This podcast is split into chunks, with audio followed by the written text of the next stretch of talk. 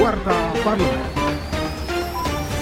Bersama saya Niken Wardiningsih, inilah Warta Parlemen.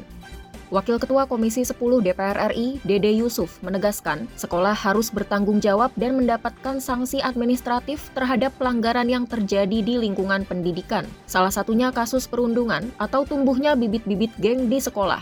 Dede menekankan perlunya koordinasi antara kepala sekolah, guru-guru, pihak kepolisian, dan pihak keamanan untuk menjaga keamanan di lingkungan sekolah. Sosialisasi dan pendidikan karakter yang sadar hukum penting dilakukan agar para pelajar memahami konsekuensi hukum dari tindakan yang mereka lakukan. Warta Parlemen. Anggota Komisi 4 DPR RI, Johan Rosihan, mendorong pemerintah memenuhi kebutuhan stok beras di bulan Ramadan dengan harga terjangkau. Kalau soal ini saya percaya pemerintah pasti akan bisa memenuhi kebutuhan itu ya. Kenapa eh, kondisi ini sebenarnya terjadi? Karena memang pemerintah belum perhatian aja sih. Pemerintah ini kan tidak pernah kekurangan uang ya kan. Tapi pemerintah terlalu berani gambling menurut saya itu kalau kemudian stok beras di bulan Ramadan ini tidak dipenuhi. Kalau kemudian stok beras di Ramadan ini bisa dipenuhi, saya ingin katakan bahwa memang selama ini pemerintah lagi-lagi kurang perhatian terhadap perbesaran itu. Jadi saya optimis bahwa stok beras di bulan Ramadan ini akan terpenuhi.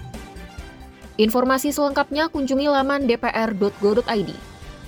Anggota Komisi 10 DPR RI, Desi Ratnasari, prihatin atas maraknya kasus perundungan di lingkungan sekolah. Menurutnya hal itu tidak terlepas dari peran pola asuh orang tua. Desi menjelaskan, selain pendidikan moral dan kedisiplinan, diperlukan juga pendidikan agama. Ia meyakini dengan penanaman nilai-nilai agama yang baik, anak akan lebih mengutamakan unsur kebaikan dalam menyelesaikan masalahnya.